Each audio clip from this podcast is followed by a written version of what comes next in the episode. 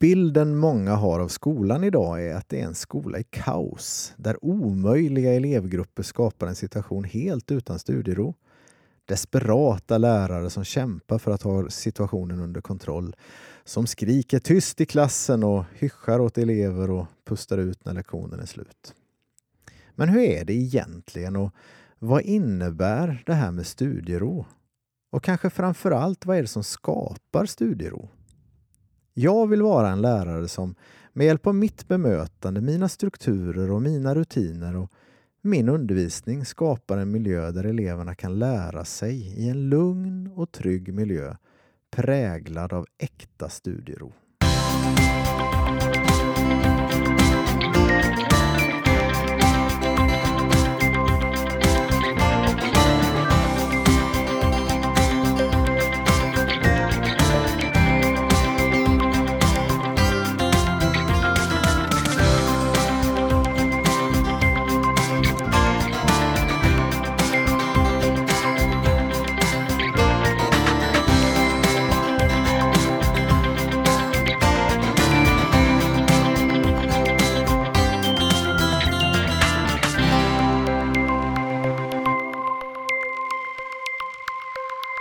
Hej och välkomna till podden Jag vill vara en lärare som. En podd där vi pratar om lärande. Och vi som gör detta heter Daniel Johansson och Daniel Dahlström. Och vi jobbar båda som SO-lärare i Furulidskolan i Aneby. Inte i Furulidskolan utan på Furulidskolan heter det väl? Ja, fast det är ju i. Ja, vi är ju oftast i. Ja, Ja. sällan på. Ja, Där fastnade vi lite. ja det blir ju extra på vintern tänker jag. Man går in i skolan när det är mörkt ute och sen går man ut från skolan när det är mörkt ute. Mm, Väldigt mycket inne Mm. i. Ja. Mm. Du, det här med studiero ska vi prata om idag. ja, det är Mm. det som är vårt fokus idag. Ja, Eh, väldigt spännande område, eh, Ja. tänker jag. ja, Och, och min känsla är att det väldigt ofta förs någon sorts förenklad debatt kring det här. mm, Mer ordning och reda bara, så Mm. ordnar det sig. Mm. Hårdare tag. mm. Så enkelt är det inte. Inte så enkelt. Eh, och samtidigt kanske det behövs ibland också. Ja, Det där är ju en balans. Och vi ska, alltså nu är det så att vi kommer utgå en hel del från en rapport. ja, så har vi aldrig gjort förut. Nej. Det blir spännande det här. Nej, och du har ju jobbat lite med den här under året. För Ja. Du har ju haft en lärgrupp som du varit ledare för.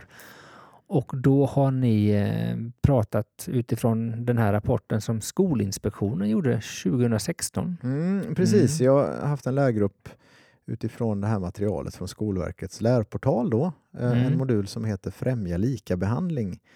eh, Där det var en del som handlade om just studiero. Mm. Och då, då fick vi läsa delar av den här Mm. rapporten och jag, jag blev väldigt såld faktiskt. Mm. Eh, på innehållet i rapporten. Väldigt spännande. Man har undersökt 30 skolor i Sverige Mm. eh, gjort inspektioner Mm. och sen har man skrivit en rapport eh, kring vad man såg för mönster i Mm. det här då. Vad som var bra och vad som var mindre bra. Mm. Det här finns tillgängligt på nätet för den som vill. Det gör det och, och rapporten heter Skolans arbete för att säkerställa studiero. Eh, Och med underrubriken Det räcker inte att det är lugnt, eleverna måste lära sig något också. Mm. Och redan där hade de mig. Okej, Jag bra. tyckte det var en spännande rubrik faktiskt. Ja. Du har jobbat med detta under året. Ja.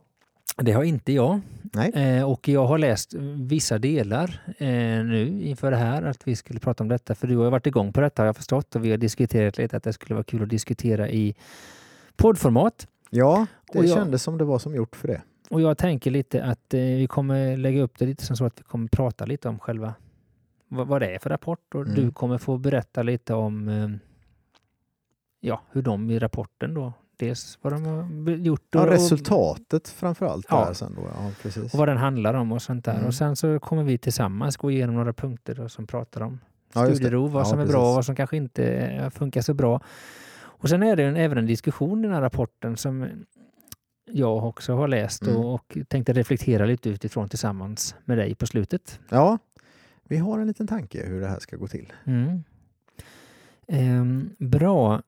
Eh, och någonting som du redan har sagt som jag tycker gör det här väldigt intressant är att man faktiskt kopplar det här med studiero och lärande och det gör Mm. att jag tycker det är värt att lyfta upp i just den här podden då, där vi gärna vill sätta fokus på lärande.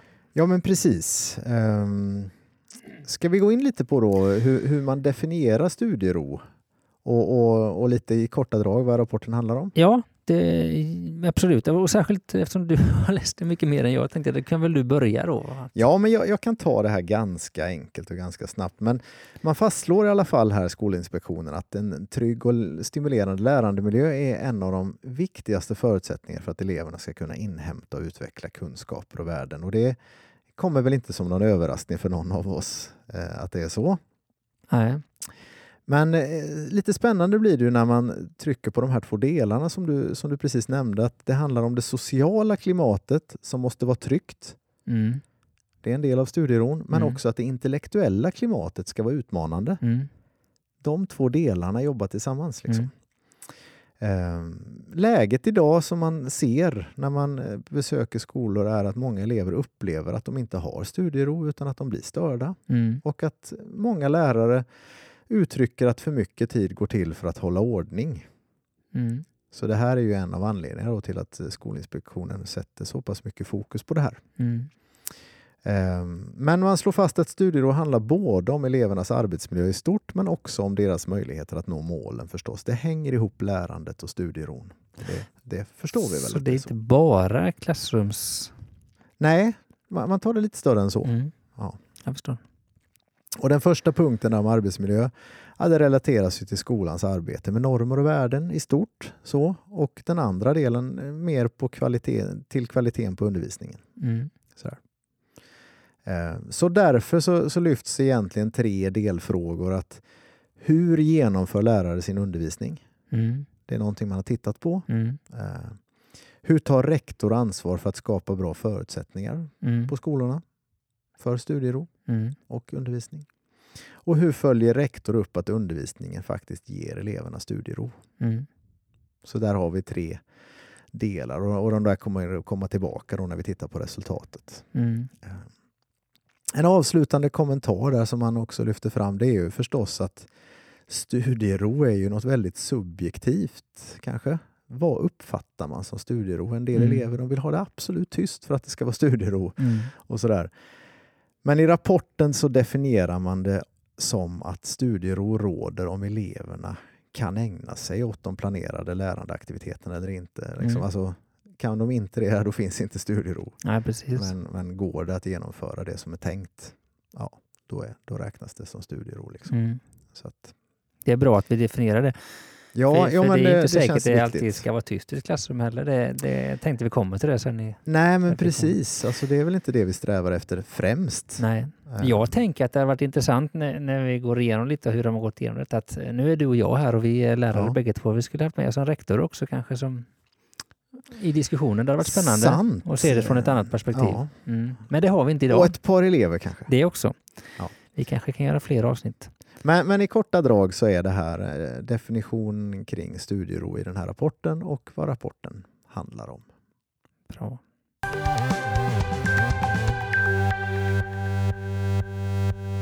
Japp. Eh, jag tänkte vi skulle prata lite om rapportens resultat, vad man har kommit fram till. Och det handlar ju då om eh, både hur man har sett att eh, studiero uppnås ibland, alltså goda Mm, förutsättningar helt mm. enkelt. Och sen lite om när det inte är så goda förutsättningar. Ja, Eh, och sen kommer vi även då lyfta in lite det här med rektors styrning och uppföljning.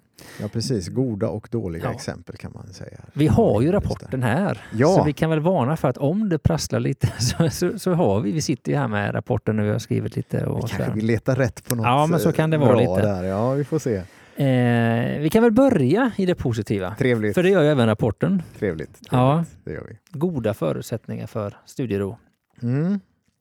Och den första punkten där, eh, ja, den fick väl på ett sätt mig att haja till eh, lite grann att man lyfter den allra först. Mm. Men det är just det här med att undervisningen är väl planerad och har en tydlig struktur. Mm. Ehm, Det är i den här rapporten eh, något som är väldigt viktigt alltså Mm. för, för studiero. Mm. Ehm, Och det, det är ju lite spännande att undervisningens kvalitet Mm. skapar eller förstör studiero. Mm. Jag vill ju koppla det lite till ett eh, tidigare avsnitt eh, ganska nyligen. Om, Berätta. ja, men när man alignment och sånt där. Vi Mm. pratar om vikten att faktiskt tänka till på varför vi gör saker och vad vi gör och sånt där. Och jag tänker att lärarens profession och vårt Ja. möjlighet alltså att påverka är ju väldigt viktigt. Men också att vi har förutsättningar att faktiskt lägga tid på att planera sånt där så vi inte behöver rusa in i en lektion Nej, precis. från det ena sammanhanget till det andra. Att man faktiskt också ges chansen att vara förberedd. Ja, och, och hur viktigt det är då att kommunicera det här med vad lektionen kommer innehålla, Ja. vad det är för mening med eller målet, syftet och så Mm. vidare. Hela det här som vi Mm. faktiskt pratar om när vi pratar alignment. Att det ska kommuniceras till eleverna och då skapar man förutsättningar. Om elever vet varför de gör saker och vad som är meningen med det och sådär så, så uppstår studiero. Mm. Eh, jag tycker det, det var väldigt spännande att, att ta del av den Mm. grejen där. Det här med tydlig struktur tycker jag är väldigt spännande. Ja, Att man har en, en struktur och att det inte bara är någonting man har för att man har någonting att känna sig trygg i själv, utan det, fanns en, det finns ett syfte med strukturen, att, man, att det hjälper, det är ett redskap. mm. Jag har själv upplevt detta och jag vet Mm. att eh, jag fick det tipset en gång när jag, behövde, jag hade en elev som hade svårt själv att fokusera då, att vara tydlig med strukturen. Och det var Ja, väl kanske precis. innan också, men jag blev ännu mer tydlig och just det här att skriva upp på tavlan när vi börjar och slutar och vad vi ska göra och varför och sånt där. Och min erfarenhet har ju varit att det har ju varit bra för alla. Ja. Både den som kanske har problem med koncentration men den som inte har det också. Men det blir en tydlighet som både jag och eleverna kan luta mig mot. Ja men verkligen. Mm. Ehm, så eh, det där skriver vi under på tror jag. Ja. Och för mig blev det lite som att ska man vara lite så här, ska man genomskåda sig själv lite så, så är det ju så att eh, när man stöter på forskning som bekräftar det jag själv står för och Mm. tror på så, så händer det ju något Mm. extra. Sådär. Och här var det verkligen så. Jag, har, Mm. jag, jag upplever att jag och, och, och du och, och några till sådär har ganska länge pratat i de här banorna att det kanske viktigaste för att vi ska få studiero och ordning och reda på skolan kanske är att vi har riktigt bra undervisning. Mm. Variation Mm. och att det ska vara spännande Mm. och, och intressant och genomarbetat och sådär. Att det är en, en eh, kraftfull åtgärd för studiero. Att ge lärare de förutsättningarna. Liksom. Det här med variation lyfts också in faktiskt. För det det står ju det. att lärares ledning är tydlig Ja. och olika kunskapsformer integreras. Ja, då, det är ju B, alltså Ja. nästa punkt här. Ehm, och eh, Vi lärare måste våga vara ledare i klassrummet. Det trycks väldigt hårt på det. Mm. Att eh, Det ska inte råda någon tveksamhet kring vem det är som faktiskt som leder lärandet. Nej. Eh, och eh, Det skapar trygghet, Mm. skapar studiero. Eh, Men också det här då som jag tänker är en utmaning till alla oss lärare att integrera olika kunskapsformer. Alldeles för många lektioner, säger Skolinspektionen, har exakt samma ut, in, utseende. Mm. Och det är ungefär så här, ta fram era böcker och fortsätt där ni var sist. Ungefär så. Mm. Eller vi fortsätter jobba och så går läraren runt och svarar på frågor. Mm. Jag tänker att det där är en grej som... Alltså hur ska jag säga? Jag tror det är jätteviktigt, men vi har ju pratat om detta lite du och Mm. jag, att eh, man har en tydlig ram som alltid är likadan, men inom dess, det finns det en viss variation. Alltså det är tydligt att vi Mm. alltid ska ha en uppstart och en avslutning på lektionen, tänker Ja. jag. Liksom, att där finns det en, en, ehm, en upprepning, eller vad man ska säga. Men däremot får inte innehållet vara samma sak. Men är inte det, sätter du inte precis ord på den gyllene medelvägen? där, Ja, men precis. Att det finns en väldig förutsägbarhet i ramarna, i Jo, men- strukturerna. Men, Precis. undervisningen liksom, den har väldigt många beståndsdelar Mm. och, och kan eh, upplevas som väldigt överraskande eller spännande. Mm. Eller sådär. Men jag kan, jag kan tänka mig att man kanske lätt faller in i den fällan att man vill ha det likadant för att eleverna ska känna sig trygga. Ja, Men då lurar man sig själv. absolut enligt den här rapporten. Mm. Eh, Då, då får du problem. Liksom. Mm. Men, men i, i, en, i ett klassrum där det är god studiero så har läraren en tydlig ledarroll och integrerar olika kunskapsformer. Mm. Sen fanns det en punkt till. Ja, att läraren tar ett tydligt ansvar för lärandemiljön. Mm. Um, Vad menar de då? ja, men läraren är den enskilt viktigaste faktorn Mm. för om det ska finnas studiero eller inte. Eh, man ser inte att det är vissa elevgrupper som har studiero ro och andra inte. Elevgruppen är inte en viktig faktor. Nej. Det luktar Hattie lång väg. Mm. Det är läraren som, är, som skapar förutsättningar i sitt klassrum. Mm. Det är så. Mm. Eh, och eh, I ett klassrum där det fungerar, ja, men då tar läraren ansvar för den här lärandemiljön. Mm. Så är det. Det är bra. Eh, det här är saker som man får brottas med jämt. Hur gör man detta? Och det är en annan fråga kanske som vi inte hinner ta jättemycket nu. Men Absolut. Vi har ju verkligen eh, jobbat en hel del med det. Ja, men en bra Eh, start kan ju vara att, att sluta skylla ifrån sig på att den klassen är så jobbig. Ja. För eh, den kanske funkar på nästa lektion. Mm. Det Så det handlar vara. väldigt mycket om Mm. mig. Liksom. Mm. Eh, och, och det där är jobbigt men också spännande. Mm.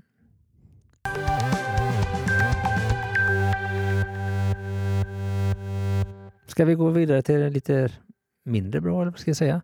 Eh, Förutsättningarna när studiero är mindre goda. Ja men precis. Ehm, det, det kommer ju vara en liten spegelbild, eh, en, en, eh, nej, spegelbild var för- fel ord, Ett, motsatsen till det vi just har sagt. Invertering, Ja, invertering, snyggt.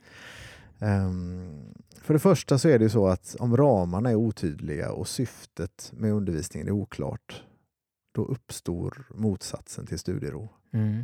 Ehm, och vad är då motsatsen till studiero? Jo, det är elever som inte vet vad man ska göra, Mm. som inte är motiverade att göra det som läraren slänger fram, Mm. eller som kanske inte förstår vad det är som ska göras. Ehm, som gör annat hellre. Ehm, och sådär. En sak som jag tänkte på när jag läste just den eh, biten, det var ju det här att jag tycker att det är viktigt att det är jag som lärare som startar och avslutar lektionen. Jag tänker det att det är ofta där. el- elever som, om vi är klara, kan vi gå nu? Nej. Varför inte det? Och så tycker de att jag är dum i huvudet. Nej, men alltså att, att det är jag som startar och avslutar lektionen.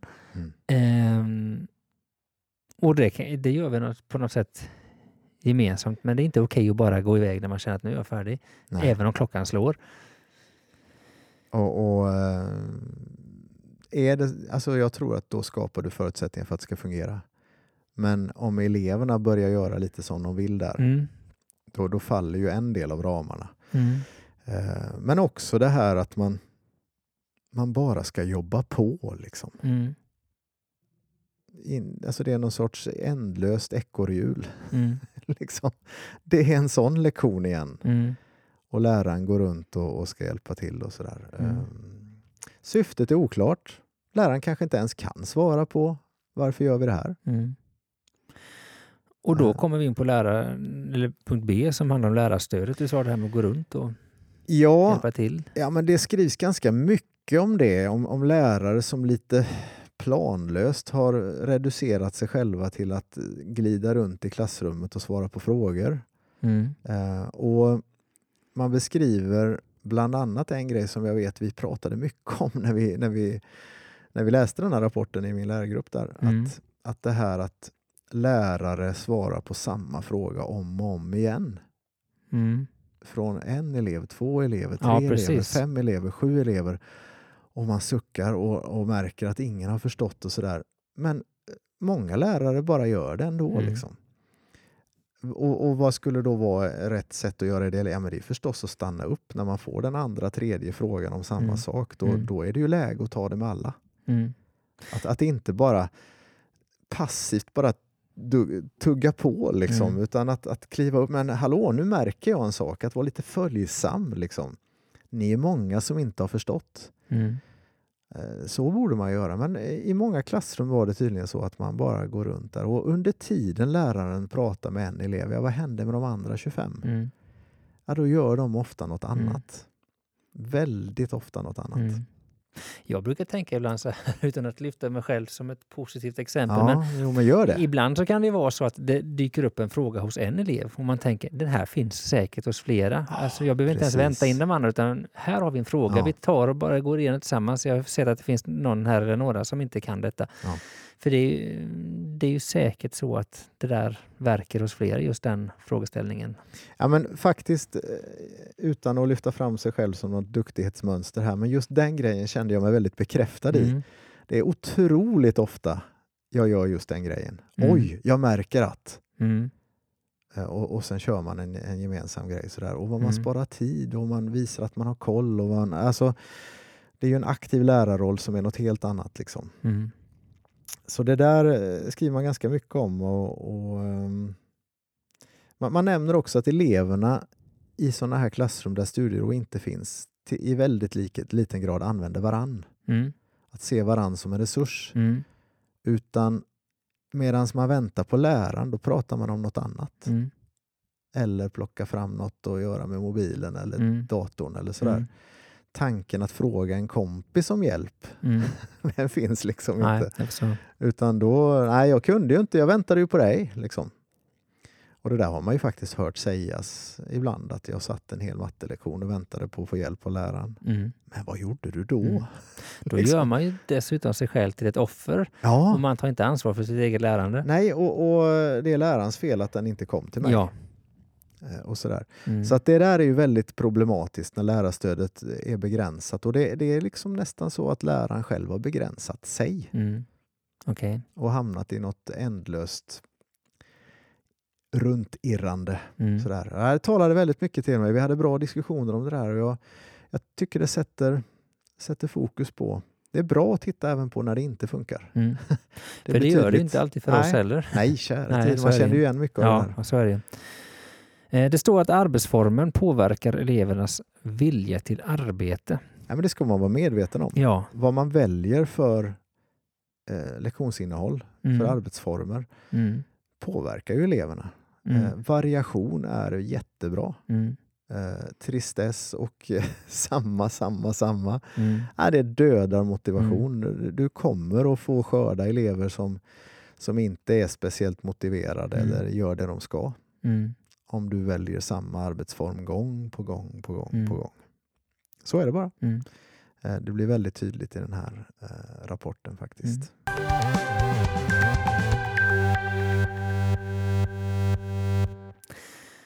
Den sista punkten som tas upp i rapporten det är det här med rektors styrning och uppföljning.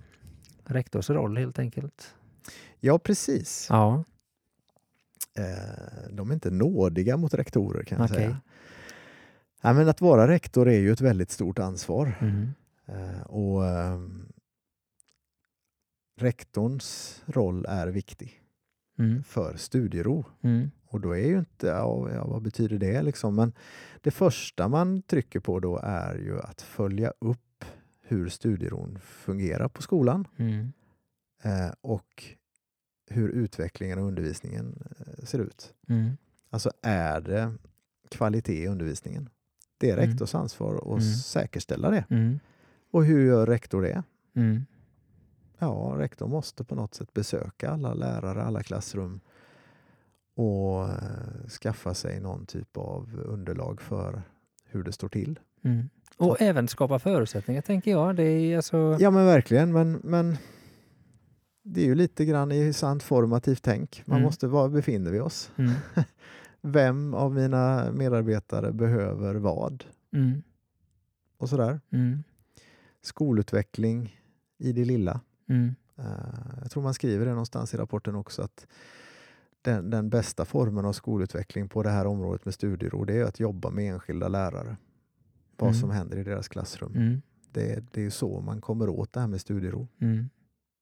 Eh, Och det är ju rektors ansvar. Sen om det är rektor som utför allt det här, det, man kan ju mycket väl tänka sig att man tillsätter en förstelärartjänst eller liknande som eh, finns med som coach och, och, och jobbar med fokus på studiero och, och gör klassrumsbesök och sådär. Det är ju Mm. fullt tänkbart, men Mm. det är rektors ansvar. Mm. Jag tänker på det här med regler och sånt där i skolan.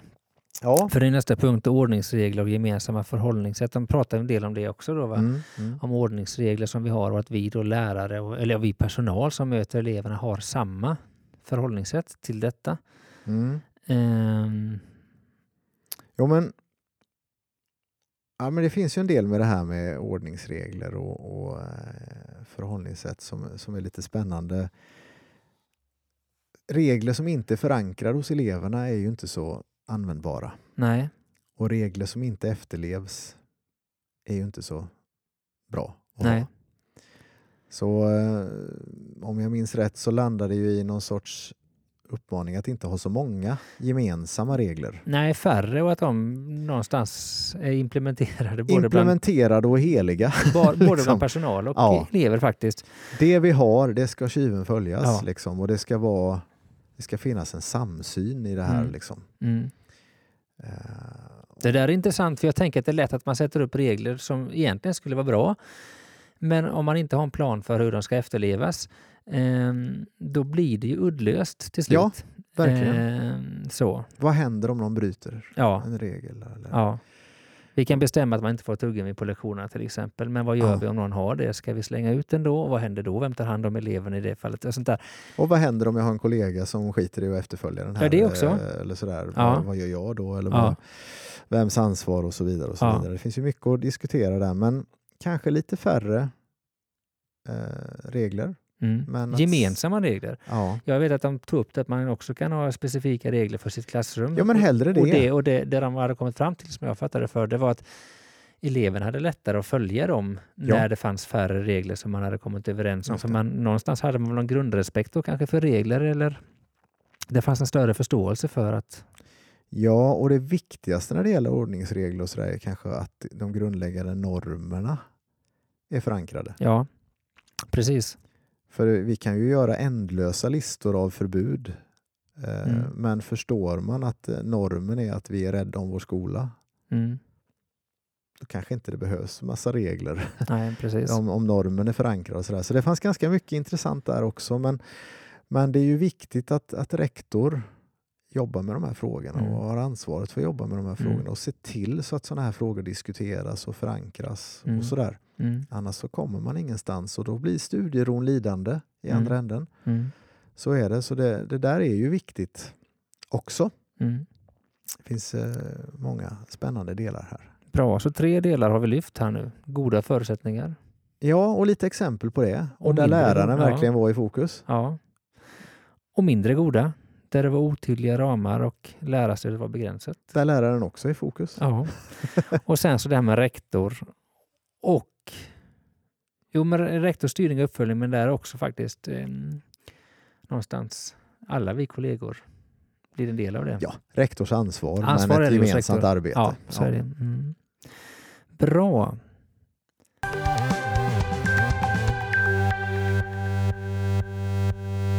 Jo, men då är det ju så här. Vi har pratat om rapporten och sen finns det en diskussionsdel eh, i den här rapporten. Då, va? Mm. Och jag har ju Precis. läst detta ganska nyligen och gjort lite anteckningar och sånt där. Jag tänkte jag skulle vilja diskutera lite detta med dig eftersom du har jobbat lite mer med det så. Ja, Sen men det var- blir bra. Ja, eh, och jag, någonting som jag eh, slogs av ganska tidigt när jag läste den här rapporten, det är just det här att läraren är viktig. Mm. Och jag tänker lite utifrån den här podden då som vi kallar Jag vill vara en lärare som, att jag tror just den här grejen att jag som lärare inser hur viktigt det är att jag faktiskt eh, vill göra ett, bra och professionellt jobb. Och jag tror att vi har pratat om det här förut, men jag tänker att det där kan man ju antingen se som en utmaning men man kan också se det som en provokation. Vad duger inte det jag Mm, gör? Och sånt där. mm. Men jag tänker att tänk om vi kunde komma dit här att vi ser det som en utmaning snarare än en provokation. Att jag faktiskt är viktig. Jag vill bli bättre. För jag inser ju när jag läser detta att det finns ju områden här där jag eh, är bättre i teorin än i praktiken kanske så va. Men jag vill vara en lärare som... Det var en Mm. sak som slog mig i alla Mm. fall, just det här viktig vi som lärare är och att vi Jag tycker, tar inte för lätt på vårt uppdrag. tycker det är snyggt att du lyckas väva in våran podds eh, namn i din, eh, ditt resonemang. Det, det ska du ha lite guldstjärna för. Ja. Eh, nej, men, och, och i förlängningen av det så tänker jag också att eh, det är ju lite läckert det här att skulle alla lärare på en skola verkligen lyckas utveckla det här som händer i sitt eget klassrum, då, Mm. då, då finns det goda förutsättningar för studiero, säger den här rapporten. Ja, Eh, Jag tycker det finns mycket hopp i det. Man, man famlar ofta efter åtgärder. Jag tycker vi har gjort det i vårt sammanhang på vår skola. Att det, man, man ser ofta utanför det som händer på klassrummet. Alltså det ska brytas, eh, klassrumsschemat bryts. Vi gör något annat, vi hittar på något med klassen. Vi måste, vi måste bryta ett mönster och sådär. Nej, nej. vi måste peta i vad som händer på lektionerna. Mm. Va, va, på vilka, alltså, vi måste ju våga ha en diskussion kring det här. Varför fungerar det inte på den här lektionen? Mm. Det får inte vara förbjudet att lyfta den frågan. Nej, Eh, Vi får inte känna oss kränkta om någon kollega gör det. nej. Utan det är viktigt, det är helt avgörande liksom, Mm. att, att vi måste peta det. För det är först då vi kan skapa studiero. Liksom, Mm. Om alla lyckas skapa undervisning som funkar. Liksom. Mm.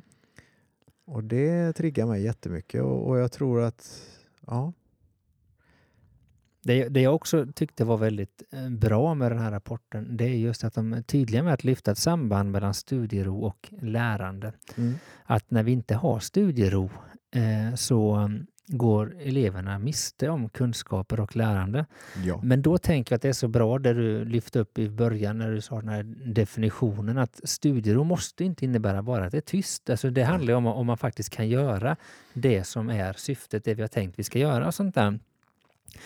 Och jag vet ju själv, man kan lätt hamna i en fälla att man känner att jag måste ha massa grejer på lektionen och planera så det inte blir dödtid. Mm, bara de har någonting mm. att göra så funkar det. Men jag vill också påpeka att det finns ett fokus här som jag tycker kommer fram i texten där man vill ha fokus på att vad man faktiskt lär sig i klassrummet snarare än att man bara ska göra saker i Ja. klassrummet. Ehm, och jag tänkte på det, jag läste väl det också tror jag, att arbete i sig behöver ju inte betyda framgång. Arbete i sig behöver inte betyda att man faktiskt lär sig någonting. Man kan ha elever, lektioner där eleverna sitter och jobbar tyst och stilla och, och sitter och gör jättemycket. Men har de lärt sig någonting? Kanske inte ett dugg. Och sen kan du ha klassrum med högljudda diskussioner och sånt där, där eleverna kommer ut därifrån med Mm, en riktig upplevelse av, av lärande. verkligen. Och det där tycker jag är en sak som man behöver lyfta.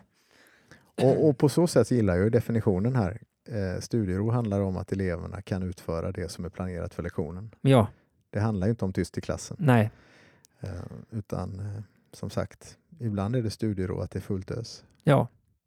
Faktiskt. Ja. Och det är också, jag tror det är viktigt att, att också prata med eleverna om. Mm. Så att de har rätt förståelse av det här. Mm.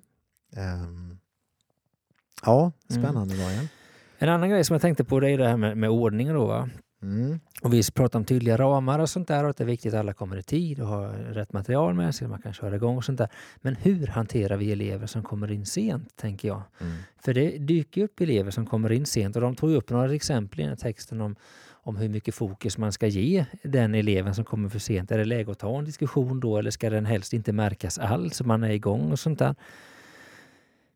Eh, Det där är en sak som jag tycker är viktigt att diskutera och prata om Ja. eh, tillsammans känner jag. För att det där tror jag också är viktigt att vi har ett, ett liknande förhållningssätt vi lärare. Hur hanterar vi elever som kommer för sent? Eh, Visst var det så att man lyfte fram att lärare där det fungerar bra eller sådär inte ger det för mycket utrymme? Precis, precis. Det var det jag tänkte på innan när jag sa att man Ja. inte skulle, man skulle nästan låta det gå obemärkt Ja, förbi. att, precis. Och det är ju intressant, men, men för, för det är klart, det är ju inte okej att det tar de andras nej, undervisningstid. jag tänker att det är bättre du, du stannar lite efteråt så Ja, pratar vi om vad som händer då här. tar vi det då. Ja. Ja. Mm.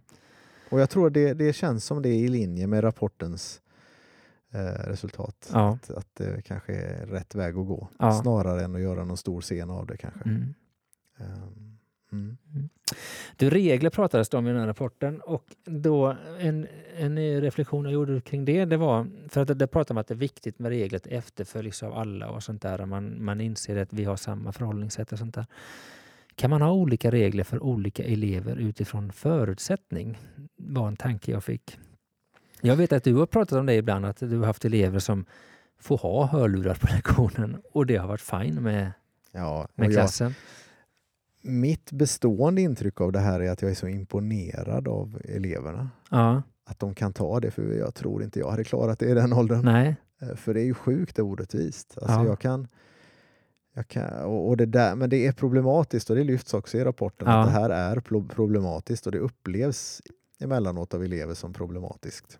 Ja, Och jag vet inte om det finns någon, några enkla svar här. nej. Eh, och jag, vet, jag minns inte om, om rapporten ger så mycket tips, men det, det är en problematik i det. Mm. Att, att, eh, ha, alltså att anpassa efter elevers, elevers förutsättningar skapar på ytan en väldig orättvisa. Mm. Hur hanterar vi det? Ett- Eh, Ja, men ett exempel som kan bli tydligt är att vi, vi, vi ska samla in mobiltelefonerna ja, och så har jag elever med diabetes som har kopplat en sån här eh, socker, Yes, heter blodsockermätare till mobilen och måste ha den på sig hela tiden. Ja. Och det där är sällan ett problem för diabetes är ofta en grej som man outar och man kan säga Ja. jag har diabetes. precis. Vad är nyckeln alltså? Ja. Men du kanske har en annan elev som har någonting som man inte vill Nej. visa och som behöver ett hjälpmedel eller behöver gå ut och ta en liten rast mitt i lektionen och det får inte de andra göra.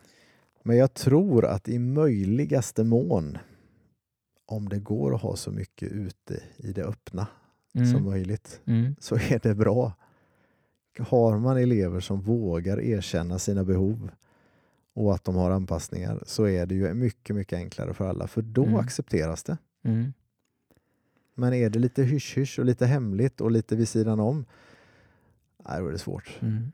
Eh, Jag vet jag reagerat på det någon gång att jag fått bara skicka till mig extra anpassningar som jag har reagerat stenhårt på Mm. och gått till någon kollega. Så här kan vi inte ha det. Nej. Jag kan inte ha en sån här extra anpassning. Nej. Det går inte. Nej. Vi må, då får vi backa tillbaka. Liksom. Mm. För att det, det, jag, kan- jag kan inte leva med en sån lärarroll där jag så öppet bara blundar för någonting och inte får säga något om det. Liksom. Ja, Mm. svårt. Mm. En, en formulering som lyfts i den här diskussionen det är också det här att ordning i huvudet och ordning i klassrummet. Mm. Eh, det här Mm. med struktur är ju viktigt för klassrummet att det är ordning men det måste också vara ordning och reda eh, i elevens huvud. Alltså det, det, måste, det jag gör måste ha en tydlig sammanhang. Det måste finnas en struktur i det jag gör så att det inte blir kaos i elevernas huvuden för då det hänger ihop. Ja, men redan i introt så var det ju det sociala klimatet och det Ja. intellektuella klimatet. Det växelverkar ju hela tiden. Ja, Eh, Man kan inte fokusera bara på det ena nej, utan eh, vi måste nog ha studiero på båda sätt. Liksom. ja.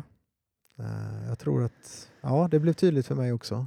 Så då handlar det inte bara om att jag ska sätta yttre ramar för att få studiero utan jag måste skapa en, en ro på insidan av Ja, eleverna. ja men struktur och, och trygghet kring lärandet Mm. ger också studiero. Ja, men det är ja, lite fint sagt av dig, det ger Mm. också en ro, Mm, i mitt, någon lärande ro liksom, Mm. på något sätt. mm, Eh, Så eh, rapporten ger ju en mycket mer mångfacetterad bild än den här lite förenklade som kanske syns i en politisk debatt eller Mm. sådär. Att Tyst i klassen. studiero är tyst i klassen. Liksom. Mm. Nej, studiero eh, beror på fler saker. mm. Och det hänger ju på mig Ja. som lärare. Eh, det. Eh, en- en tragisk sak, om jag också får lyfta en grej som jag Ja. har suttit och klämt på lite här. Det som drabbade mig stenhårt det var att man, man eh, lyfte fram att det finns många lärare som har resignerat. Som bara, ja det är som det är, jag nöjer Mm. mig bara de gör något. Mm, precis. Och det är ju djupt tragiskt och ett Ja. fruktansvärt misslyckande. Och det, det, är inte bara, det är inte bara djupt tragiskt för den läraren eller sådär utan det är ju också, det är inte okej Nej, för eleverna. nej. De ska inte behöva ha det så. Mm, Och, och då kommer vi till det här med rektors ansvar att säkerställa att i varje klassrum är det kvalitet. ja, Det är alltså rektorns problem Mm. om en lärare har resignerat. jag tänkte på det för att Ehm. det är också en grej de lyfter i den här diskussionen att eh, ordning eller ansvar, f- eh, alltså huvudman är det ytterst. Ja, I det här fallet är det ju kommunen då va? ja. Och sen under honom är det, eller dem, är det, är det Ja. rektor då. Eh, och det behöver tas med i helheten för att jag tänker att det är ju väldigt lätt att tänka också att det hänger på mig som lärare och det gör det men då måste jag också ha förutsättningarna att ja men precis. göra detta. Eh, på olika sätt. Det kan ju vara att man har för, förutsättningen gentemot att man får jobba ihop med andra kollegor eller att man har Till tillräckligt mycket tid för att förbereda sig eller att man har för få uppgifter eller man har rätt uppgifter. Och det finns ju jättemånga grejer som behöver ses i Mm. helheten här för att faktiskt inte... Ja, men jag tänker lite utifrån egen situation där man, jag har varit ganska trött och sliten med Ja. utmattning och sådana grejer. Jag kan ju känna ibland att jag inte eh, alltid orkar hålla samma fokus som jag skulle önska. Nej, att, att, och då kan det bli att studieron har blivit lidande ibland. Så där jag känner att idag gjorde jag inte en bra lektion. Nej, just Eh, det. Och då tänker jag att eh, hamnar man i ett läge där man upplever mycket stress och sådana grejer så kanske det är svårare att Ja. hålla... Och även där då så, så ska ju, tänker jag att det är rektors uppgift att vara följsam, Mm, att känna av vad kan vi göra åt Daniels situation Mm. här då för att han ska kunna fortsätta säkerställa kvalitativ undervisning. mm, För det, det, det ska vi erbjuda Mm. eleverna. mm, Det, det, är, det, alltså det, det, är, det är stort det här. Liksom. mm. Men det blir också tydligt. Jag, Mm. jag gillar den här rapporten. Den, är, den är väldigt spännande. Vi rekommenderar den varmt. Hade du fler saker du ville Jag lyfta? en, Då? ja, jag hade några grejer, men en sak till som jag vill lyfta. Eh, Och det, vi kanske har sagt det också, men, men jag skrev planering, struktur är jätteviktigt. Vi pratade om det innan. Eh, men också anpassning och vägledning. Mm. Jag tänker att det är utifrån uppkomna situationer jätteviktigt att jag som lärare är både följsam i min roll och trygg i min roll. Men jag tror inte jag kan vara följsam om jag inte har en tydlig struktur för mig själv. Nej. Jag måste veta varför vi gör det vi gör, vart vi är på väg för att kunna ändra färdriktning. Eller som vi tog upp som exempel innan, det här man samlar ihop eleverna, går igenom en sak. Eller Mm. man kanske inser att "Ah, jag hade planerat en uppgift här, det var inte bra, vi gör så här istället. Men det är, ryms inom den strukturen jag har. Ja, men absolut. Och professionalitet Mm. tycker jag det här handlar om, Mm. eh, det du beskriver där Mm. också. Och, och det är klart, har vi en skola med väldigt många outbildade lärare och sådär som, sitt- alltså som kämpar på och hur ska då rektor lyckas säkerställa kvalitativ undervisning? Och, och ja, Mm. man måste, ja det, det, här är, det är mycket i det här. Mm. Men eh, mm, Ja, spännande. Ehm, jag vet inte om vi ska säga så mycket mer idag. Nej men det kanske fick bli så. Det blev någon liten litteraturstudie det här Ja, utifrån eh, den här rapporten som Ja. vi varmt rekommenderar. ja. Som alltså var en eh, del av bland annat den här eh, modulen eh, Främja lika behandling Mm. där jag hade hämtat den ifrån. Du har idag lyssnat på podden Jag vill vara en lärare som och, och idag handlar det om att vara en lärare som eh, tar det här med studiero på allvar och förstår att det är mer än bara tyst i klassen. Mm. Följ oss gärna via vår Facebook-sida som heter Jag vill vara en lärare som eller vår hemsida jag vill vara en lärare som.se. Lyssna på oss gör du via Soundcloud eller någon annan sida eller app där poddar finns. På Facebook och via mejladressen daniel att jag vill vara en lärare som.se kan du ge respons, ställa frågor eller komma med idéer. Kanske reagera på det vi har sagt idag. Gör gärna det. Daniel och Daniel tackar för oss. Vi hörs snart igen.